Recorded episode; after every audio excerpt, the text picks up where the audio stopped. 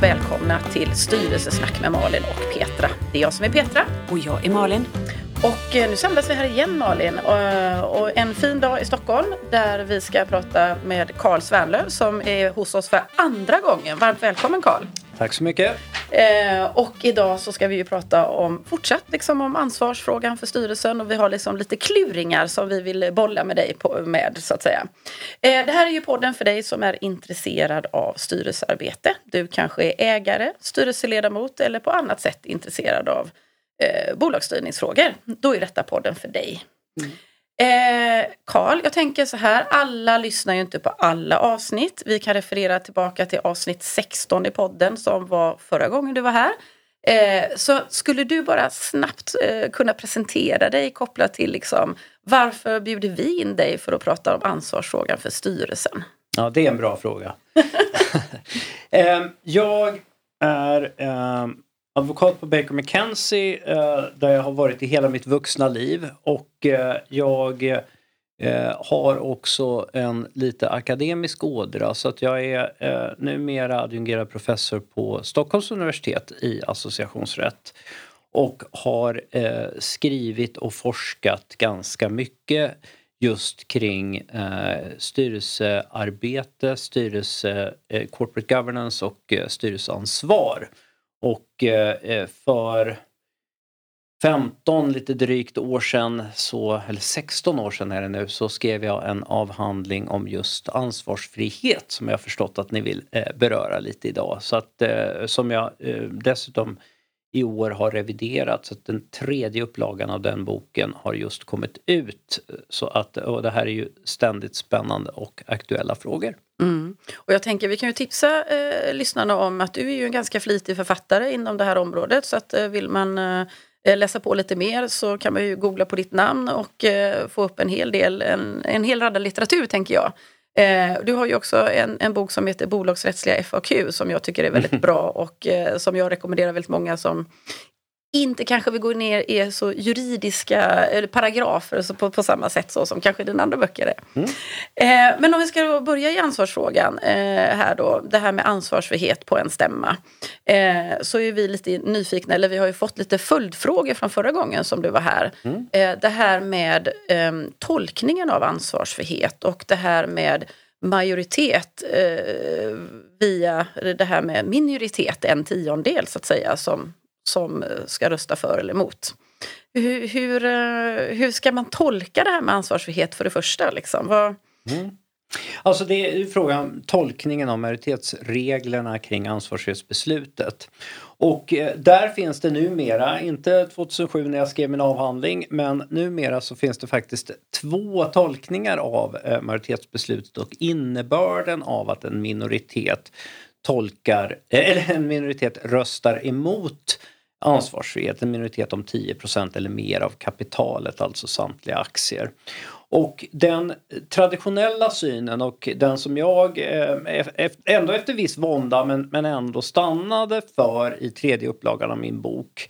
Det är att eh, eh, om en tiondel av samtliga eh, aktier eller aktieägare som företräder minst en tiondel av samtliga aktier röstar emot ansvarsfrihetsbeslutet, då har ansvarsfrihets eh, nekats.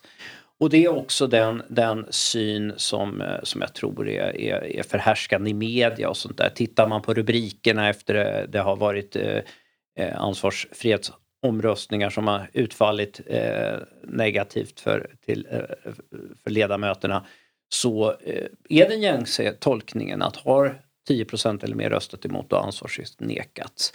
Men det finns också en alternativ tolkning eh, som fördes fram av en kollega till mig som heter Urban Bovestam eh, som är advokat och också lärare på, på Stockholms universitet som menar att det här är som vilka bolagsstämmobeslut som helst eh, och att därför ansvarsfrihet beviljas med vanlig enkel majoritet. Eh, men att om 10% av eh, rösterna eh, går em- eller av aktierna röstar emot så kvarstår trots den meddelade ansvarsfriheten möjligheten att stämma styrelseledamöterna. Och eh, kan man säga för det första att, att det här eh, låter som en, en eh, tvist om påvens skägg och så är ju ofta fallet när jurister träter med varandra. Eh, men, och att det, det saknas eh, praktisk skillnad och det kan man nog säga att, att eh, Eh, effekterna av eh, den, den traditionella tolkningen och den här nya tolkningen eh, är de samma. Det vill säga röstar aktieägare med 10% eller mer av rösterna, av kapitalet emot ansvarsfrihet så kvarstår möjligheten att väcka talan. Men eh, den nya tolkningen är ju mer attraktiv för styrelseledamöter som eh, eh, i, i, en sån situation där en minoritet om aktieägare som företräder 10% av aktierna röstar emot. Då kan man fortfarande med, med rak rygg säga jag fick ansvarsfrihet av stämman och sen att 10% röstar emot mm. och det är något juridiskt med det där, det, mm. det, det lämnar vi där här. Mm, mm. De, de, här, um, om vi sätter det, nu, nu är vi i Sverige. Um, om man ser utanför Sveriges gränser, hur, hur ser det ut med omröstningar kring ansvarsfrihet där och, och påverkar det här någonting? Ja, alltså så här. Eh, ansvarsfrihet och den effekt som ansvarsfriheten har, eh, åtminstone på pappret om vi bortser från, från undantagen. Eh, det är eh, och ansvarsfriheten som obligatorium på eh, stämma i publika bolag. Det är unikt för Sverige och Finland.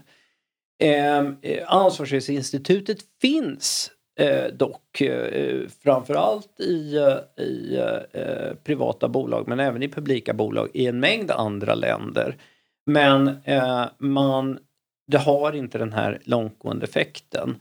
Men eh, det är också så att, att eh, skulle man nekas ansvarsfrihet så eh, ses det eh, som ett tecken på, eh, ja, inte helt omotiverat, att man eh, inte har skött sin uppgift på det viset som man bör eh, i utländska betraktares ögon. Och det gör att, att skulle man som svensk styrelseledamot nekas ansvarsfrihet eh, av vilket skäl som helst egentligen eftersom man inte behöver ange några skäl för att neka ansvarsfrihet så eh, kan det negativt påverka möjligheten att få styrelseuppdrag utomlands. Mm. Och, och, bara en annan för att fortsätta den här eh, diskussionen kring, kring andra länder. Eh, min erfarenhet är ju också att i svenska börsbolag där det finns ett antal amerikanska fonder och andra eh, som, som är aktieägare så är de inte riktigt vana vid det här med ansvarsfrihet och, och de uppdrar då åt den som lägger deras röster på stämman att inte rösta för. De, det är inte alltid att de mm. röstar så, så var det från början Malin. Mm. När, när, eh, när eh, fonderna, de utländska fonderna eh, kom, började komma in mer och mer i, i svenska företag under 90-talet så var det fallet. Och också innan eh, ISS, den här röstrådgivaren, hade li, eh, riktigt fått armarna kring det här. Nu har ISS skapat ett annat problem som vi kommer tillbaka till. Men eh, så, så var det vanligare än eh, med nekad ansvarsfrihet eftersom det är lättare att neka till allt än att, att godkänna mm. grejer. Och ska också komma ihåg att, att många fondföreträdare på den tiden också röstade nej till styrelsevalet och då mm. eh, några procent för eller emot ansvarsfrihet spelar ingen roll men om man kommer in liksom rent principiellt och röstar nej till hela styrelsen. Hur hade ni tänkt er då? Liksom ska bolaget inte ha någon styrelse eller vad hade ni tänkt er? Men det där har nog, det där har nog eh, lagt sig lite grann och man har fått eh, man har begripit det svenska systemet och därför så har man röstat eh, i enlighet med, med revisorernas rekommendationer nu under ett ganska stort antal år. Eh, men jag kan ju passa på att nämna då det här eh, från en svensk synvinkel ganska märkliga initiativet som kom från ISS för ja, säkert ett år sedan, för jag, jag, tror alltid att det är några månader sedan, men där man har hotat med att neka ansvarsfrihet för svenska styrelser som inte tar bort eh, rösträttsskillnaderna i bolagsordningen. Och, och, när jag först hörde talas om det så eh, eh tyckte jag, det gav dessutom upphov till en ganska rolig rubrik i Dagens Industri att det här var fullständigt barockt. Och det tycker jag fortfarande, eh, men, eh, därför att det blir ju någon slags utpressning. Men kopplingen mellan nekad ansvarsfrihet och, och den här differentierade rösträtten är då att ISS menar att man har liksom blivit vald på ett orättfärdigt sätt med stöd av den här röstmajoriteten och då hade man inte blivit annars och därför ska man nekas ansvarsfrihet. Men jag har fortfarande svårt att se kopplingen och jag, jag eh, där, här har eh, Svenskt Näringsliv eh, i, i den bredare bemärkelsen lite av en pedagogisk uppgift att försöka övertala ISS om att man är ute i ogjort väder här. Jag vet inte hur det kommer att gå. Jag tror att man redan har försökt utan någon större framgång. Mm. Alltså, går, det att, går det att hitta ISS och tala med dem Ja, men det, det kan man. Jag har haft dialoger med dem tidigare. Ja, bra. Mm. Eh, jag tänker så här, vi har ju fått, eh, sen du var här sist har vi fått lite frågor. Du har fått lite frågor och då har vi en av de frågorna är ju det här med eh, suppliangers ansvar mm. eh, och hur man skulle kunna förhålla sig till det. Mm. Och det tycker jag är extra roligt därför att eh, innan jag skrev min doktorsavhandling eh, 2007 så skrev jag en, en juris licentiatsavhandling 1998 om just suppleanter. Så att även detta är ett ämne som ligger mig eh, varmt om hjärtat. Och när det gäller suppleanters ansvar så kan man faktiskt sammanfatta det med en enda mening. Och det är att suppleanter har samma ansvar som ordinarie styrelseledamöter från det att man träder in i ordinarie ledamots ställe som ersättare, antingen tillfälligt eller också permanent. Mm. Eh, men man har inget ansvar därutöver. Mm. Och då tänker jag så här, i en situation då till exempel där man har då en ledamot, en suppleant som det ser ut kanske lite mindre företag. Mm. Eh, och så väljer man liksom en, en, en, familjemedlem och så dör ledamoten. Mm. Och då är grundregeln att eh, suppleanten automatiskt träder in i ordinarie ledamotsställe med allting som det innebär. Mm. Och eh, i, i, i princip så eh, är inträffar den eh, det, det bytet så att säga, eller inträdet inträffar momentant. Men då har jag antagit eh, i, i eh, min avhandling att eh, suppleanten åtminstone måste ha kännedom om skälet eh, för eh, och, och liksom den triggande händelsen för att man ska eh, ha trätt in. Mm. Så att det är klart att om man för att vara lite makaber då, sitter med på, på ordinarie ledamotens dödsbädd. Då vet man ju att mm. man har inträtt där. Men jag, jag, tror jag hade något exempel för länge sedan med någon, någon ordinarie eh, ledamot som reser i Sydamerikas djungler och försvinner. Eh, då vet man ju inte om, om, eh, om de är permanent borta eller inte. Men i och med att man eh, har en skyldighet att inträda redan när ordinarie ledamot inte kan komma, alltså inte kan närvara vid möten och liknande, så skulle man kunna säga att, att eh, det här inträdet skulle till och med kunna eh, inträffa från det att man tappar kontakten med den ordinarie ledamoten. Mm. Men, men jag tänker så här att om man då ingår i, eller tar över då efter den här ordinarie ledamoten så säger vi så här att amen, jag har inte haft så mycket kontakt, den här ledamoten mm. har, har eh, betett sig på ett sätt som jag kanske inte kan stå för och sen så iträder Blir jag smittad då utav... Nej, eh, det är ju den grundläggande bestämmelsen. Det här kommer då tillbaka till att styrelseuppdraget är individuellt, styrelseansvaret är individuellt. Så du svarar bara för dina egna handlingar. Eh, och så att du blir inte smittad av tidigare eh, eh felaktigheter som har begåtts. Eh, men Eh, rent teoretiskt sett så eh, har du en skyldighet att liksom få ett grepp om bolaget från det att du träder in. Och här finns inga egentliga lagregler om någon inkörningsperiod eller liknande. Eh, men där finns ett gammalt rättsfall från eh, som heter Växjö Energi som handlar om en VD som var, eh, som var VD i det lokala kommunala energibolaget och eh, råkade ut för en motorcykelolycka och låg på sjukhus eh, under en längre tid. Under den tiden så trädde vice VD in och gjorde en massa eh, eh, om vi ska vara generösa, dåliga affärer och ska vi vara mindre generösa, kanske uppsåtligt dåliga affärer. Med, man, han lånade ut kommunens olja utan säkerhet eh, och Eh, eh, det där fanns VD kom tillbaka, frisknade till, kom tillbaka, tog över ruljangsen igen Och eh, teoretiskt sett så hade det funnits möjligheter inom några veckor, ett par eller några veckor från det att VD kom tillbaka, att, att vända det här. Om han eh, den, den då eh, konvalescente vdn hade snabbt liksom kommit på fötterna och fått grepp om verksamheten så hade man kunnat minska skadan som kommunen led. Men det, det gjorde man inte om man blev av med hela det här eh, oljelagret då.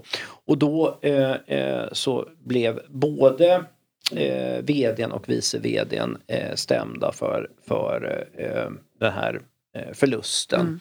Och eh, vice vdn åkte dit för han hade aktivt eh, eh gjort det här. Eh, men vdn klarade sig för att man tyckte att det var oskäligt att han skulle ha agerat så snabbt. Och eh, av det här Växjö energimålet så kan man dra slutsatsen att, att eh, rättssystemet kommer att vara eh, visa viss flexibilitet och generositet mot en suppleant som liksom plötsligt befinner sig luftlandsatt mitt mm. i ett eh, svårt ekonomiskt landskap. Mm. Men nu, Nej, men bara snabbt, i, i vissa bolag, eh, så får ju suppleanterna finnas med runt bordet. Mm. Mm. Men då har de inget ansvar ändå. Nej. Eh, och, eh, men men låt, mig, låt mig fånga den bollen för den är ganska spännande. Vad är eh, god corporate governance när det gäller hanteringen av suppleanter? Den är ju intressant. Har ni suppleanter i, i styrelsen? Hur bör ni hantera dem?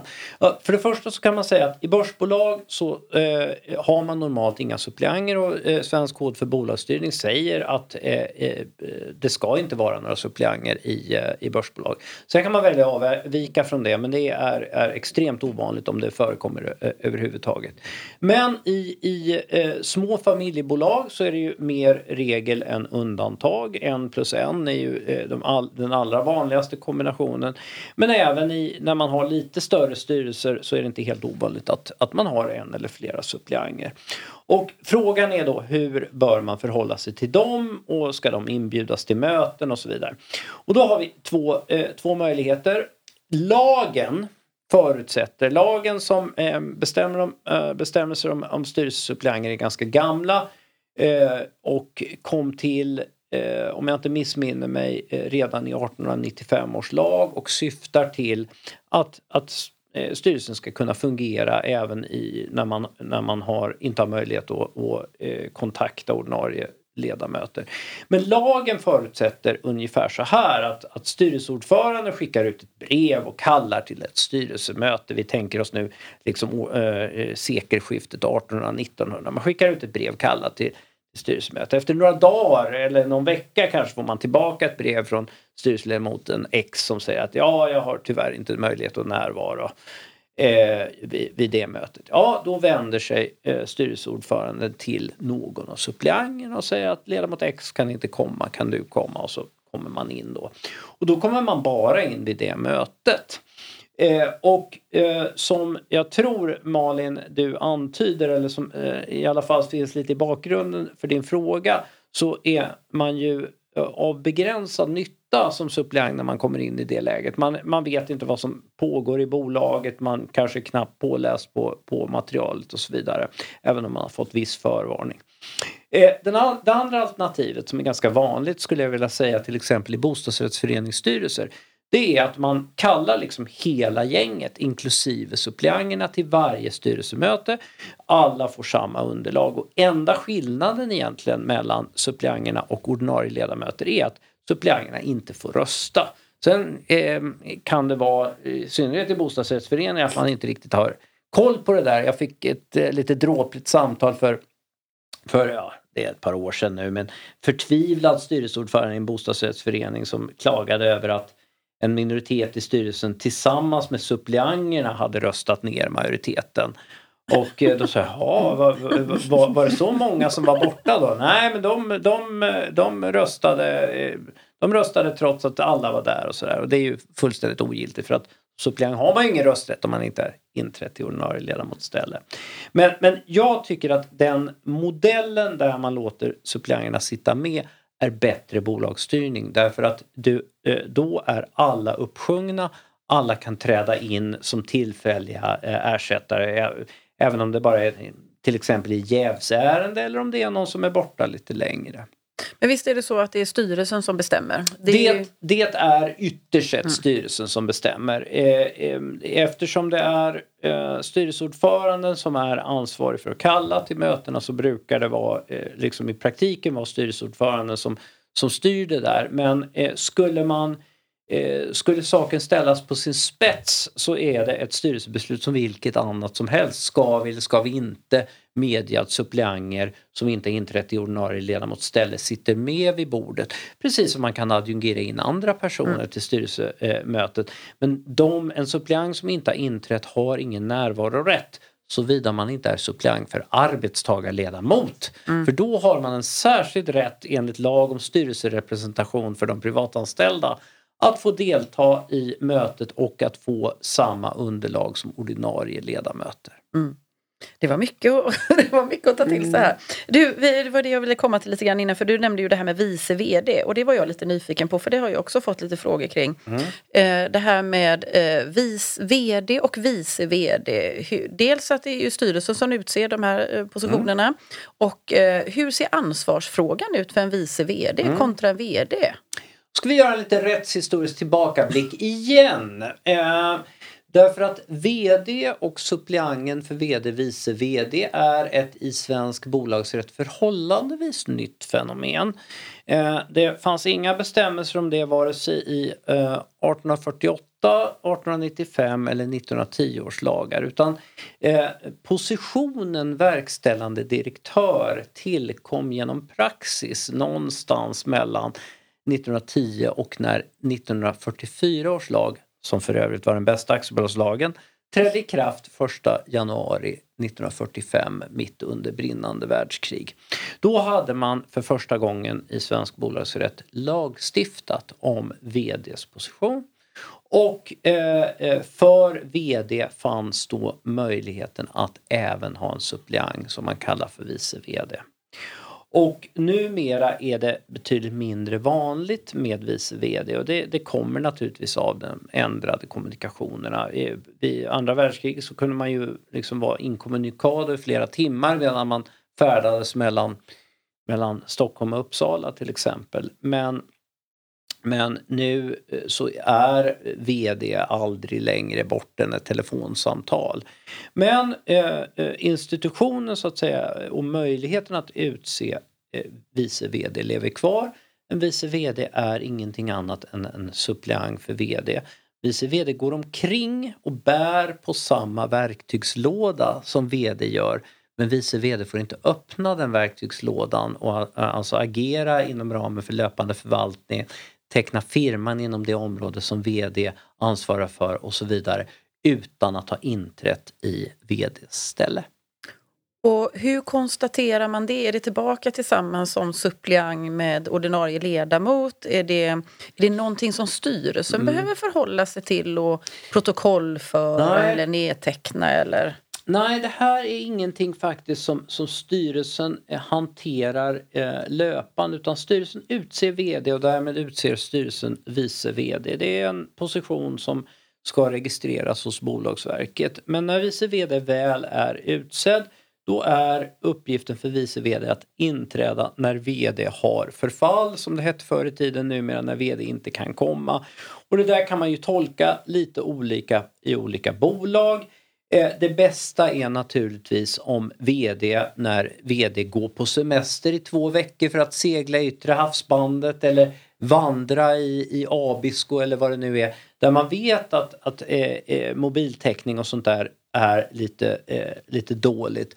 Att VD då säger eh, Hörru du vice VD Malin, nu, eh, eh, nu träder du in som VD i mitt ställe under de här två veckorna. Och liksom, försök gärna att ringa om du vill stämma av någonting. Men nu, nu, eh, är du, nu sitter du så att säga på VD-stolen under den här tiden. Eh, kan man inte göra det så funderade jag en del eh, i, i min bok från eh, 98 eh, hur, hur man skulle förhålla sig som vice VD. Men jag tror att, att eh, och stannade för slutsatsen att, att kan man inte nå VD så, så kan vice VD inträda på eget ansvar. Och, och ingen informationsplikt till styrelsen? Nej. Nej, okej. Okay. Mm. Ska VD vara styrelseledamot? Eh, det där är, skulle jag säga, i det närmaste en filosofisk fråga och där finns det olika uppfattningar i svensk näringsliv. Eh, min egen uppfattning är att eh, jag tycker att det är ehm, bättre VD har ju alltid rätt att delta i styrelsemötena alltså, och brukar delta eh, i styrelsemötena som föredragande. Men jag tycker att det är bättre och mer eh, renodlad bolagsstyrning att eh, VD inte sitter som en ledamot i det organ som är överordnat VD själv. Eh, däremot så finns det, eh, en, det finns en annan uppfattning i eh, vissa, om vi ska kalla dem ägarsfärer i, eh, i svenskt näringsliv som, eh, om jag förstår argumentationen rätt, tycker att det funkar bra eh, att ha VD i, i styrelsen. I praktiken är det inget, inget problem och att det vore en ja, en degradering av eh, VD i, i de här bolagen. Att plötsligt eh, peta VD ur styrelsen och, och, och, och, göra henne till någon som är eh, ja, som inte längre är styrelseledamot. Mm. mm.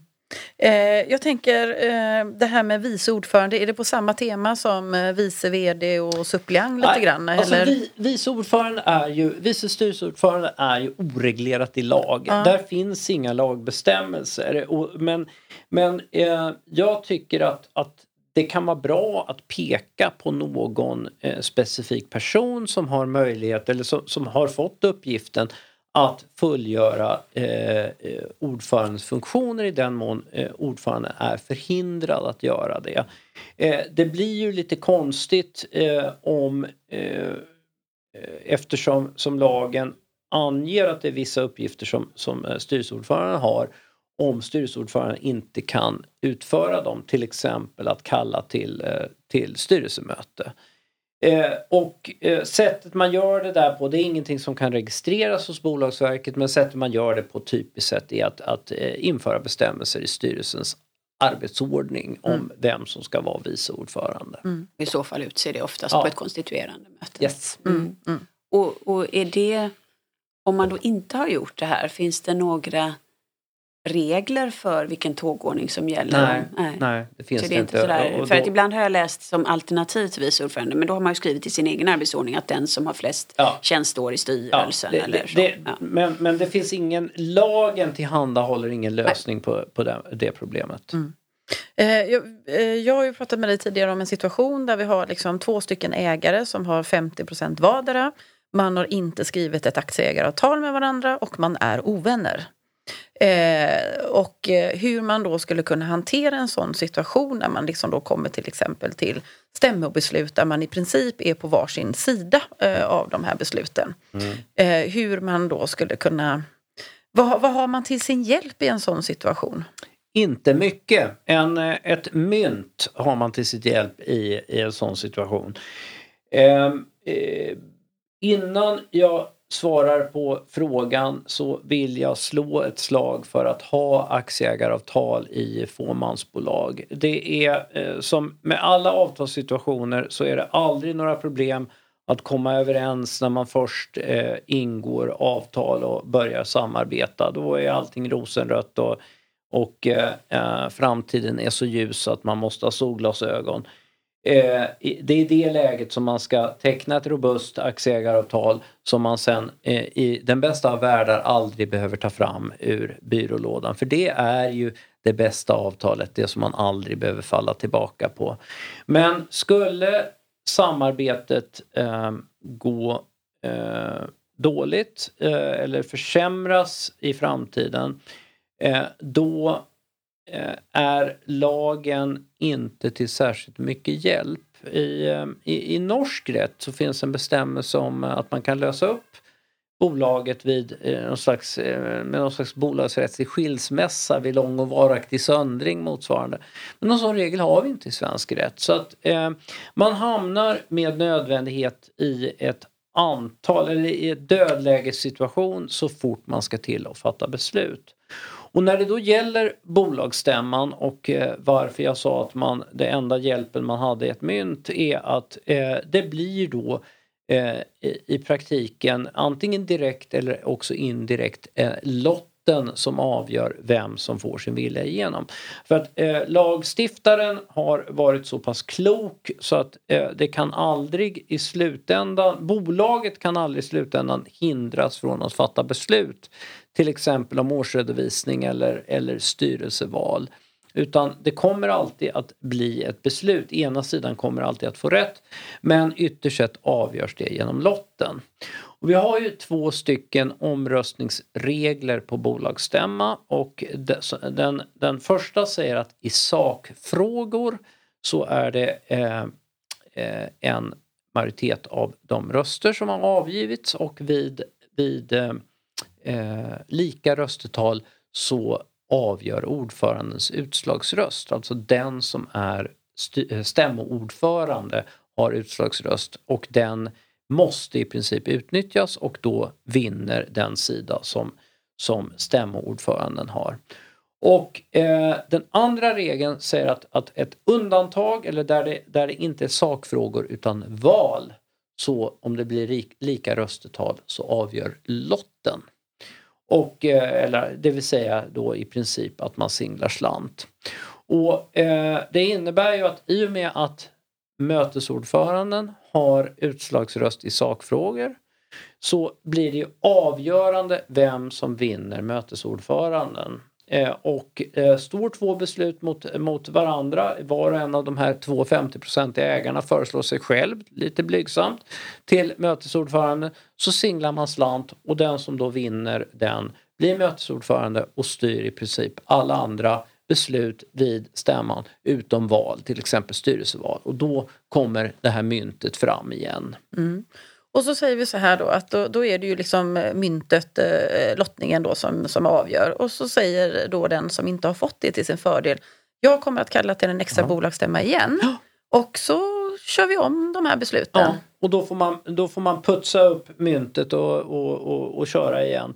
Och eh, det där kan ju eh, pågå ganska länge och ganska frekvent. Vi har ju vissa tidsramar som då sittande styrelse skulle kunna utnyttja till bristningsgränsen utan att därför eh, eh, träda aktiebolagslagen för när. Och de reglerna är att om en minoritet med, eh, ni, känner igen, eh, ni känner igen gränsen, med 10% av samtliga aktier eller fler eh, eh, begär hos styrelsen att en bolagsstämma ska hållas för att behandla ett visst angivet ärende, till exempel styrelseval, då ska styrelsen kalla till stämma inom två veckor från det att begäran har eh, mottagits. Gör man inte det så kan Bolagsverket kalla till stämma eh, därefter. Och sen eh, eh så har man som styrelse rätt att utnyttja hela kallelsetiden med sex veckor. Så att eh, då kan man tänka sig att man, man får in eh, extra stämmor med i vart fall eh, åtta veckors mellanrum under året. Mm. Så att det, det, i praktiken så, och dessutom kan man ställa till en massa andra besvär för varandra med särskilda granskare och minoritetsrevisorer och allt sånt där. Så att man kan ganska snabbt tugga i sig bolagskapital på en minoritetsfight. Eller en, en, en fight mellan aktieägarna. Så att det enda raka där är att eh, sätta sig ner vid förhandlingsbordet eh, Kanske med hjälp av en god medlare och försöka eh, lösa upp samarbetet så gott man kan. Mm. Och där har man liksom egentligen ingen bortre gräns heller, liksom, om man säger så. När, att det, det, ni har tio myntkast ja, och nej, sen är det klart. Nej. Liksom. Nej, och, och, och Bäst en, av tre. En annan, en annan eh, eh, idé som jag fortfarande äh, ofta får som förslag då från, äh, äh, i de här situationerna det är att ja, men, Eh, vi, vi, vi, kallar till stämma och så eh, beslutar vi om bolagets likvidation mm. och så hoppas vi att vi har tur med, med myntkastningen. Och eh, eh, även om man har det så kan ju då motståndaren som inte vill att bolaget ska sättas i likvidation begära en ny stämma som då ska hållas inom åtta eh, veckor som ska besluta om att bolaget ska tas ur likvidation. Och så kan man hålla på sådär. Och eftersom likvidationen tar allt ifrån i praktiken 8 till 12 månader så har man ganska många myntkast mm. på sig innan, man, eh, innan den är i hamn. Och, eh, det ska mycket eh, ja, otur får man väl säga ifrån, ifrån motpartens sida då, till om man inte ska lyckas vända den där likvidationen under, under den tiden som, eh, som likvidationen pågår. Mm. Bara kontrollfråga så att jag har förstått det. Val av mötesordförande är alltså inte ett val utan det är en jo. sakfråga? Nej, val av mötesordförande mm. är ett val. Ja. Och därför så ska då eh, eh, slant singlas eller lott dras eh, för, okay, för val av mötesordförande. Yeah. Och sen eh, frågan om att ta bolaget ur likvidation eller försätta bolaget i likvidation. Det är ju en sakfråga, en sakfråga. som då avgörs med den utsedde mötesordförandens utslagsröst. Yeah. Mm. Det är, det är, man får tänka till mm. lite. Jag, jag, säger alltid det, eh, det här med eh, att vara styrelseordförande och vara stämmoordförande. Det är två olika saker. Mm. Där man ska ha liksom koll på den, den typen av situationer och hur man ska hantera det ja. där överhuvudtaget och nu, nu kan jag bli anklagad för att be för min sjuka mor här eftersom jag ofta är eh, extern stämordförande men överhuvudtaget så tycker jag, jag har skrivit någon artikel om det i Affärsvärlden för, för ganska länge sedan också, att det är eh, eh, sämre corporate governance med att låta eh, vara stämordförande. Och anledningen till det är ju att man, man kan hamna i en, eh, som, som en ledamot i styrelsen och ofta den som är liksom, eh, eh, ja, den främste företrädaren för styrelsen under stämman så kan man hamna i, i svarsställning om det ställs väldigt svåra och hårda frågor från auditoriet och att då samtidigt liksom försöka försvara sin egen position och styrelsen och samtidigt hålla ordning på mötet. Det är ingen bra sits utan då är det bättre att överlämna det till, till någon som eh, dessutom är, eh, har koll på formalia. Mm. Ja, nej, men för, för det är ju en, annan, det är en helt annan formalia tänker jag ja. som man eh, eh, behöver ha koll på. Eh, jag tänker också det här med, eh, jag tror att vi tog upp det vid förra, förra samtalet också, men jag får ändå frågor kring det här med just eh, reservation för beslut eh, och dess verkan på ansvaret. Ja, det är ju också en, en, en spännande fråga. 824 i aktiebolagslagen som reglerar protokoll har en väldigt för ansvaret betydelsefull eh, mening som säger att styrelseledamot och paradoxalt nog, vi kan ta det alldeles strax, verkställande direktören har rätt att få avvikande mening antecknad i protokollet. Syftet med den eh, regeln faller tillbaka på det individuella ansvaret för en styrelseledamot. En styrelseledamot Styrelsen svarar inte som kollektiv utan styrelseledamöterna svarar individuellt för sina egna beslut och eller egen underlåtenhet i styrelsearbetet. Och det har effekten att eh, eh skulle styrelsen fatta ett skadeståndsgrundande beslut så är det bara de styrelseledamöter som har varit med om att fatta beslutet eh, som är ansvariga för det beslutet. Och normalt så eh, antecknar man ju inga röstsiffror i protokollet utan tvärtom så säger eh, 824 i inledande mening att eh, eh ja, det så, vid, vid styrelsens möte ska protokoll föras men sen eh, så står det att i protokollet ska de beslut som styrelsen fattat antecknas.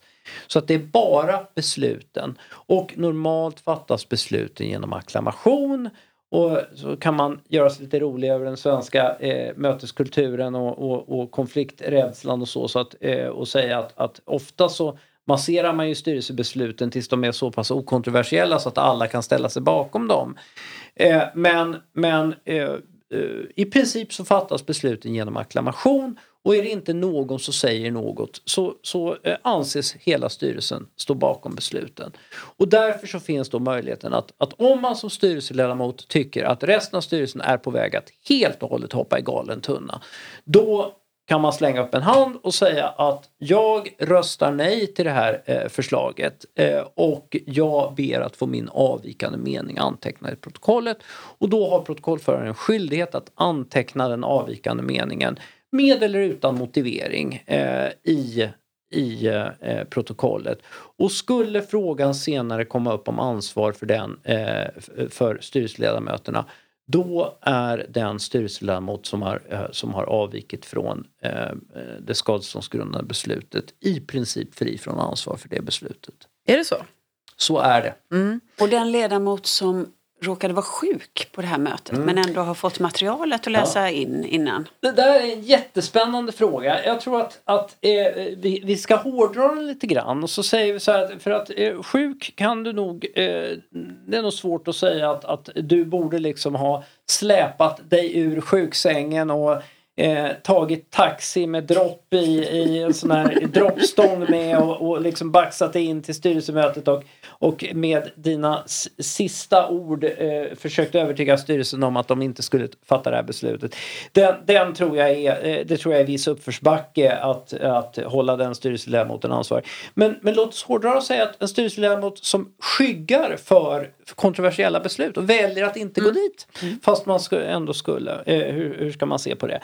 Ja, då, då eh, kan vi säga så här att rent teoretiskt så skulle, men nu, nu är vi väl ute på väldigt tunn eh, eh, ansvarsrättslig is här, men rent teoretiskt sett så skulle den styrelseledamoten fortfarande kunna hålla ans hållas ansvarig för beslutet om man kan visa att, att om den styrelseledamoten hade dykt upp på mötet och givit eh, uttryck för de farhågor som nu har framkommit i rättssalen eh, så hade styrelsen inte fattat det här felaktiga beslutet.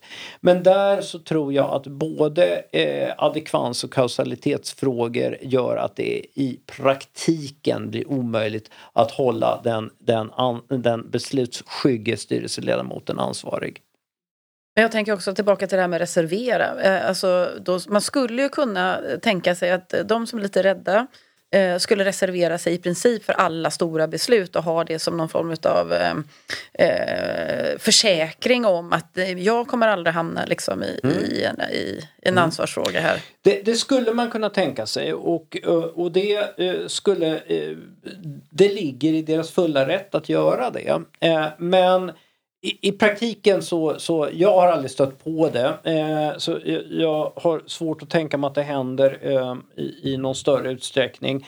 Eh, och eh, rent praktiskt sett så eh, blir den typen av styrelseledamöter blir inte omvalda. Eh, utan ska man hålla på sådär i, och, och liksom reservera sig mot, mot eh, eh varenda beslut som styrelsen har att fatta då då är man nog inte lämpad att sitta i styrelsen och det tror jag att övriga styrelseledamöter kommer att tala om för eh, valberedningen eller de större ägarna. Mm.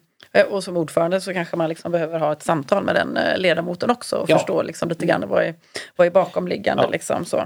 Eh, en annan fråga som, som jag tänker, som jag också får ibland, det är ju det här med om vi då, eh, alltså skillnaden i ansvar mellan VD och styrelse. För ibland så uppfattas det som att vi lägger oss i samma påse.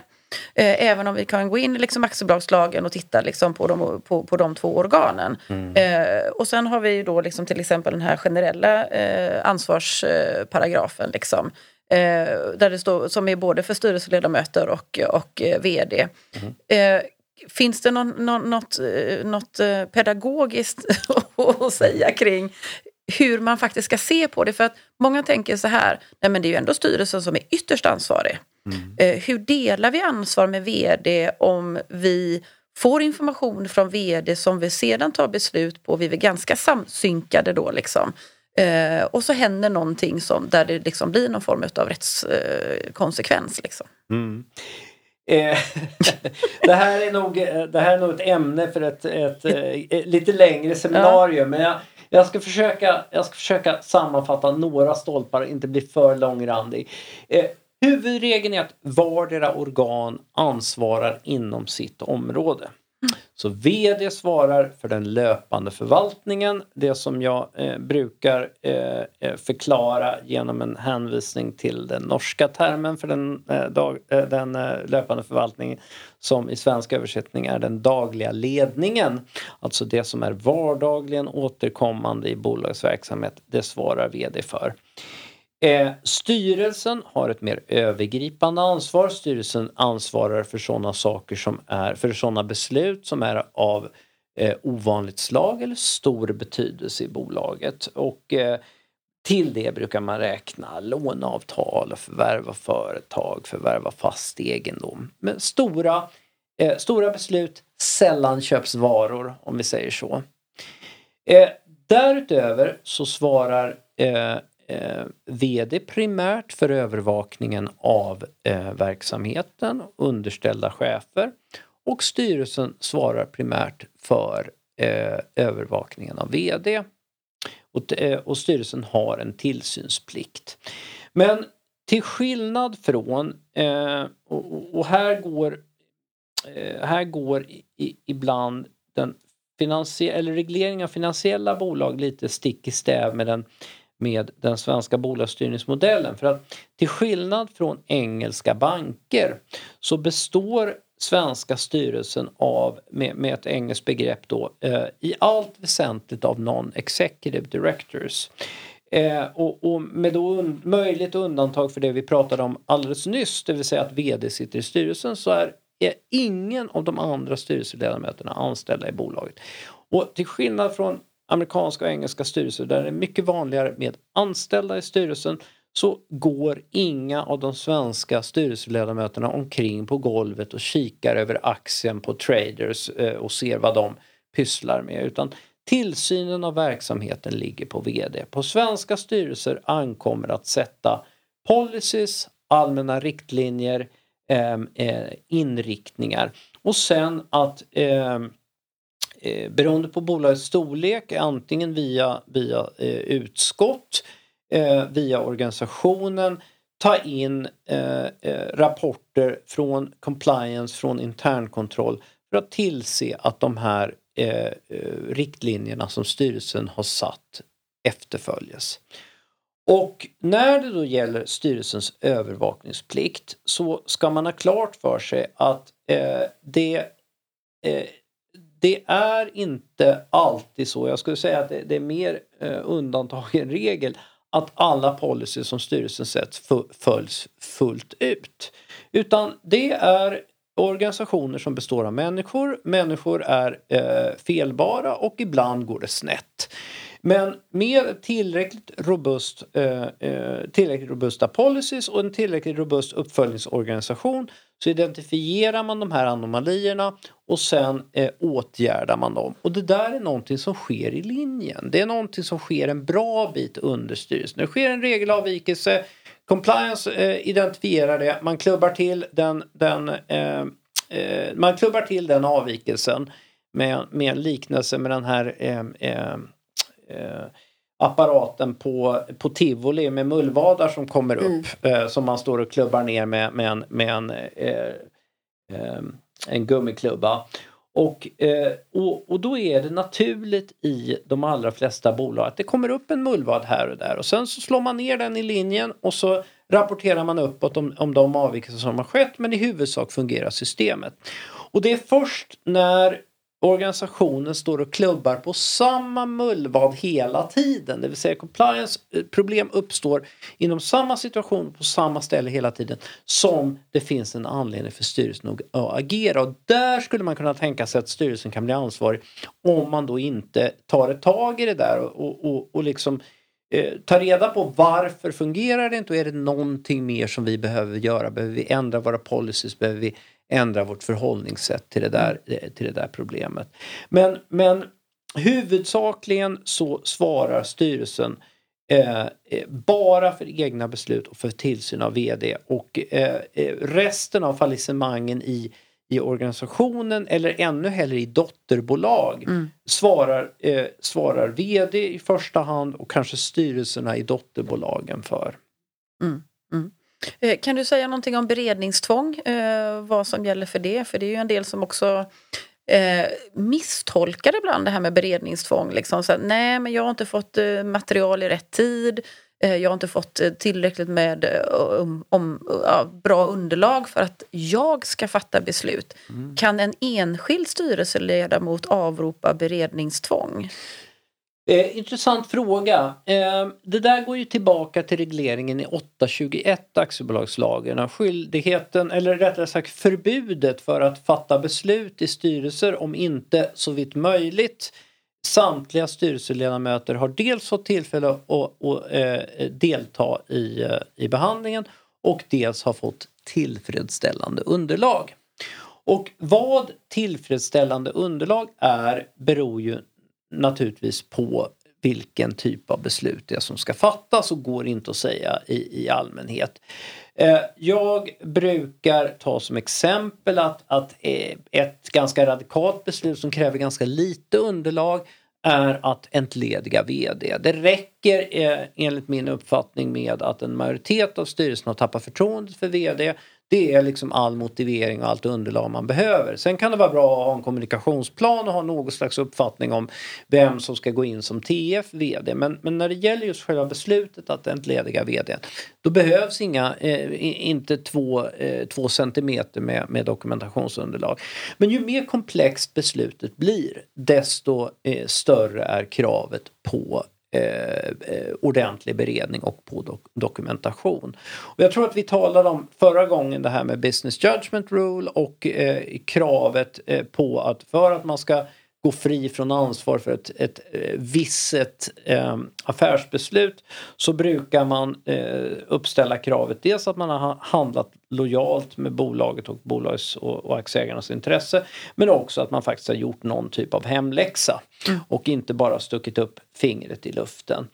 Och det där får då som följd att, eh, och det tycker jag faktiskt är en, en, en, en, en viktig fråga, att styrelseledamöter som inte känner att ärendet är tillräckligt utrett eller tillräckligt berett om man så vill faktiskt ska sträcka upp handen och säga att jag tycker att vi saknar följande för att kunna fatta beslut. Eller jag är ännu inte beredd att fatta beslut för att jag fick den här tjocka bibban eh, för två dagar sedan.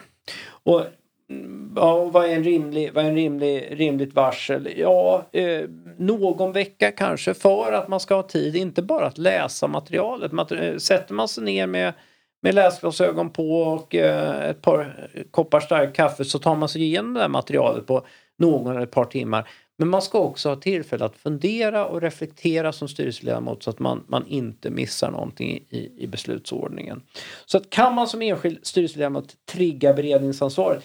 Eh, ja, man kan kräva eh, att, eh, att styrelsen eh, eh, avvaktar med att fatta beslut in till dess att man känner sig hyggligt nöjd med med underlaget av det där skälet. Och, och, får man inte som man vill så får man reservera sig i, i protokollet. Mm. Och som ledning eller, och eller eh, ordförande i ett sånt fall tänker jag också att det är om man kan kommunicera till sin styrelse att nu kommer, nu, alltså, ju mer du vet att nu kommer det ett svårt beslut, vi planerar att skicka material så här och så här, då skyddar du dig ändå lite för då, då kan du som då kan du hävda att ledamoten frigör tid. Mm.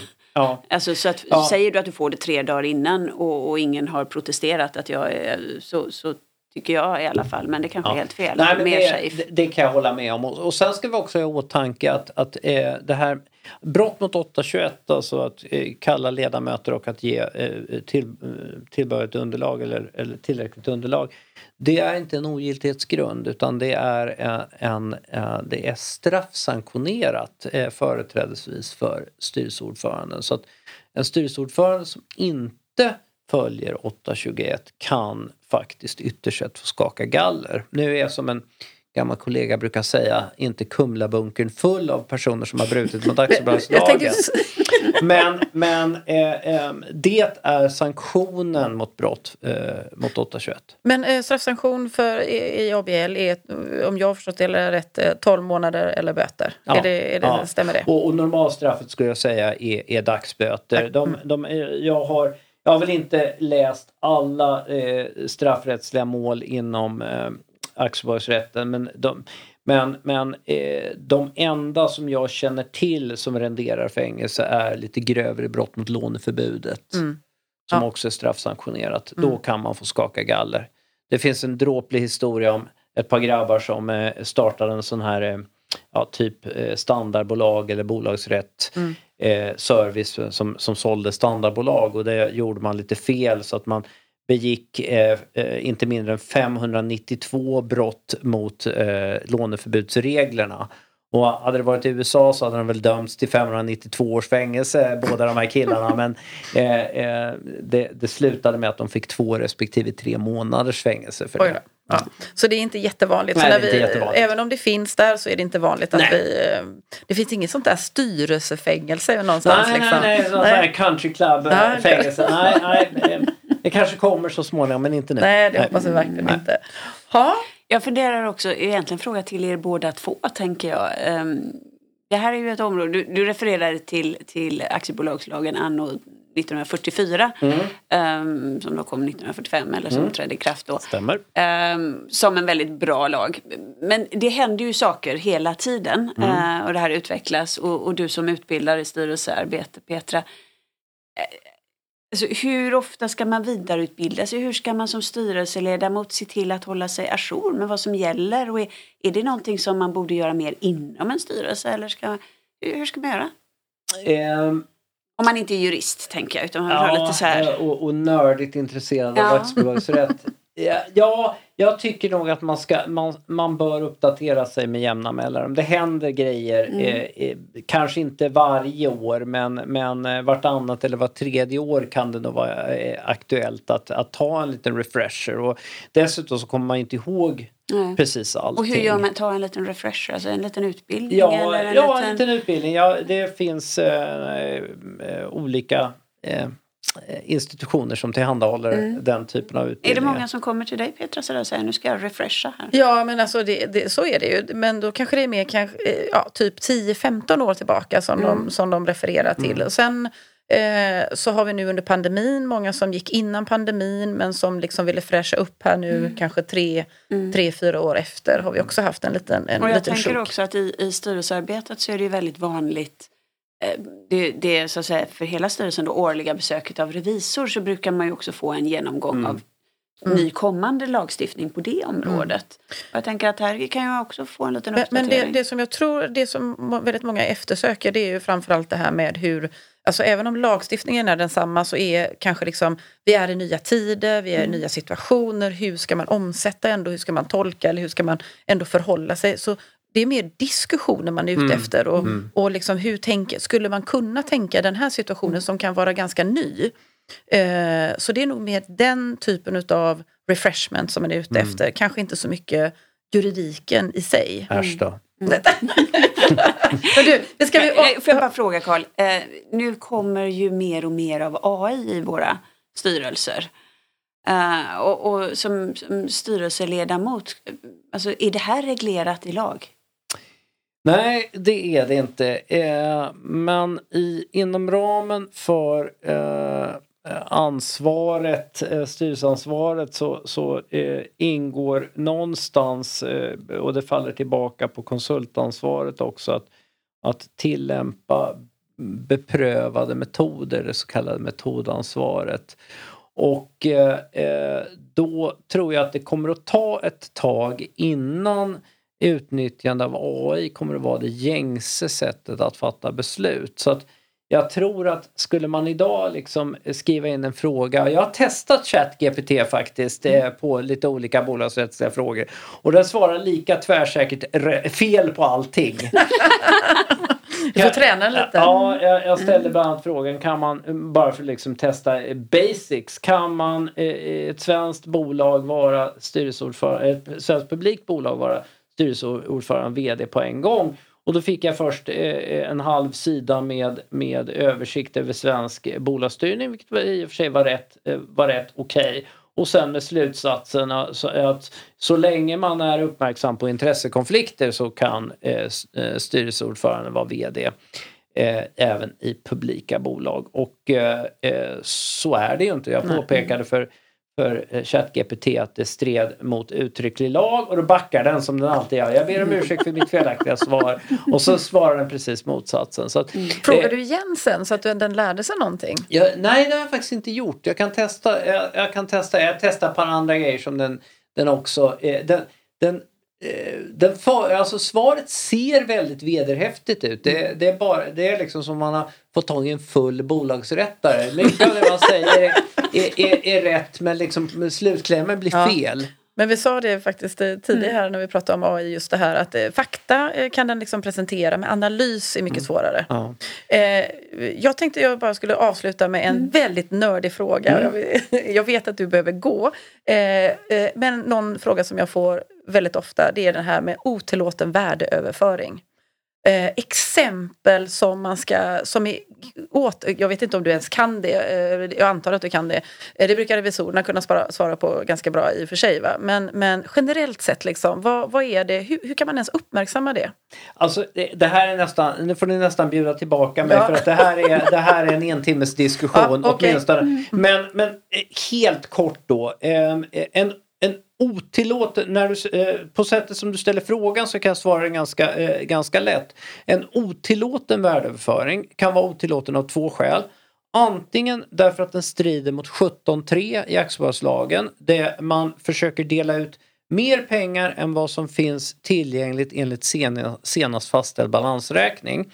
Och, eh, eh, i, i, den, i den, eh, det begreppet ligger att finns ingen fastställd balansräkning så kan man inte dela ut några pengar alls, eh, vilket eh, eh var föremål för en ganska spännande eh, dom i eh, Göta hovrätt eh, där vi företrädde ett bolag som eh, ville ha tillbaka pengar från, eh, eh, som hade delat ut innan det fanns någon fastställd balansräkning överhuvudtaget.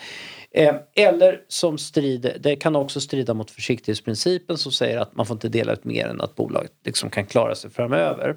Det är ena möjligheten. Den andra möjligheten är att man gör en så kallad förtäckt värdeöverföring som inte är en eh, regelrätt utdelning en minskning av aktiekapitalet, återköp av egna aktier i, i huvudsak. Utan är en annan affärshändelse som innebär att bolagets förmögenhet minskar och som inte är rent affärsmässig för bolaget.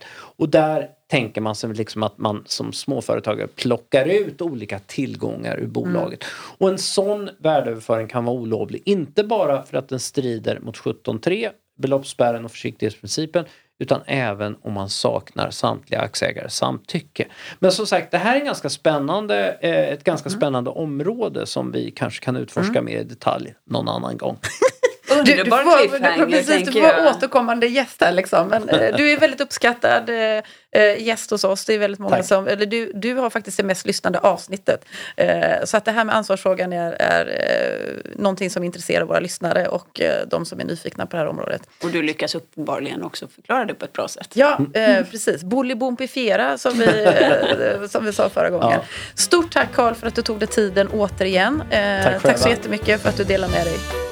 Tack. Hej då! Tack, hej då. Hej!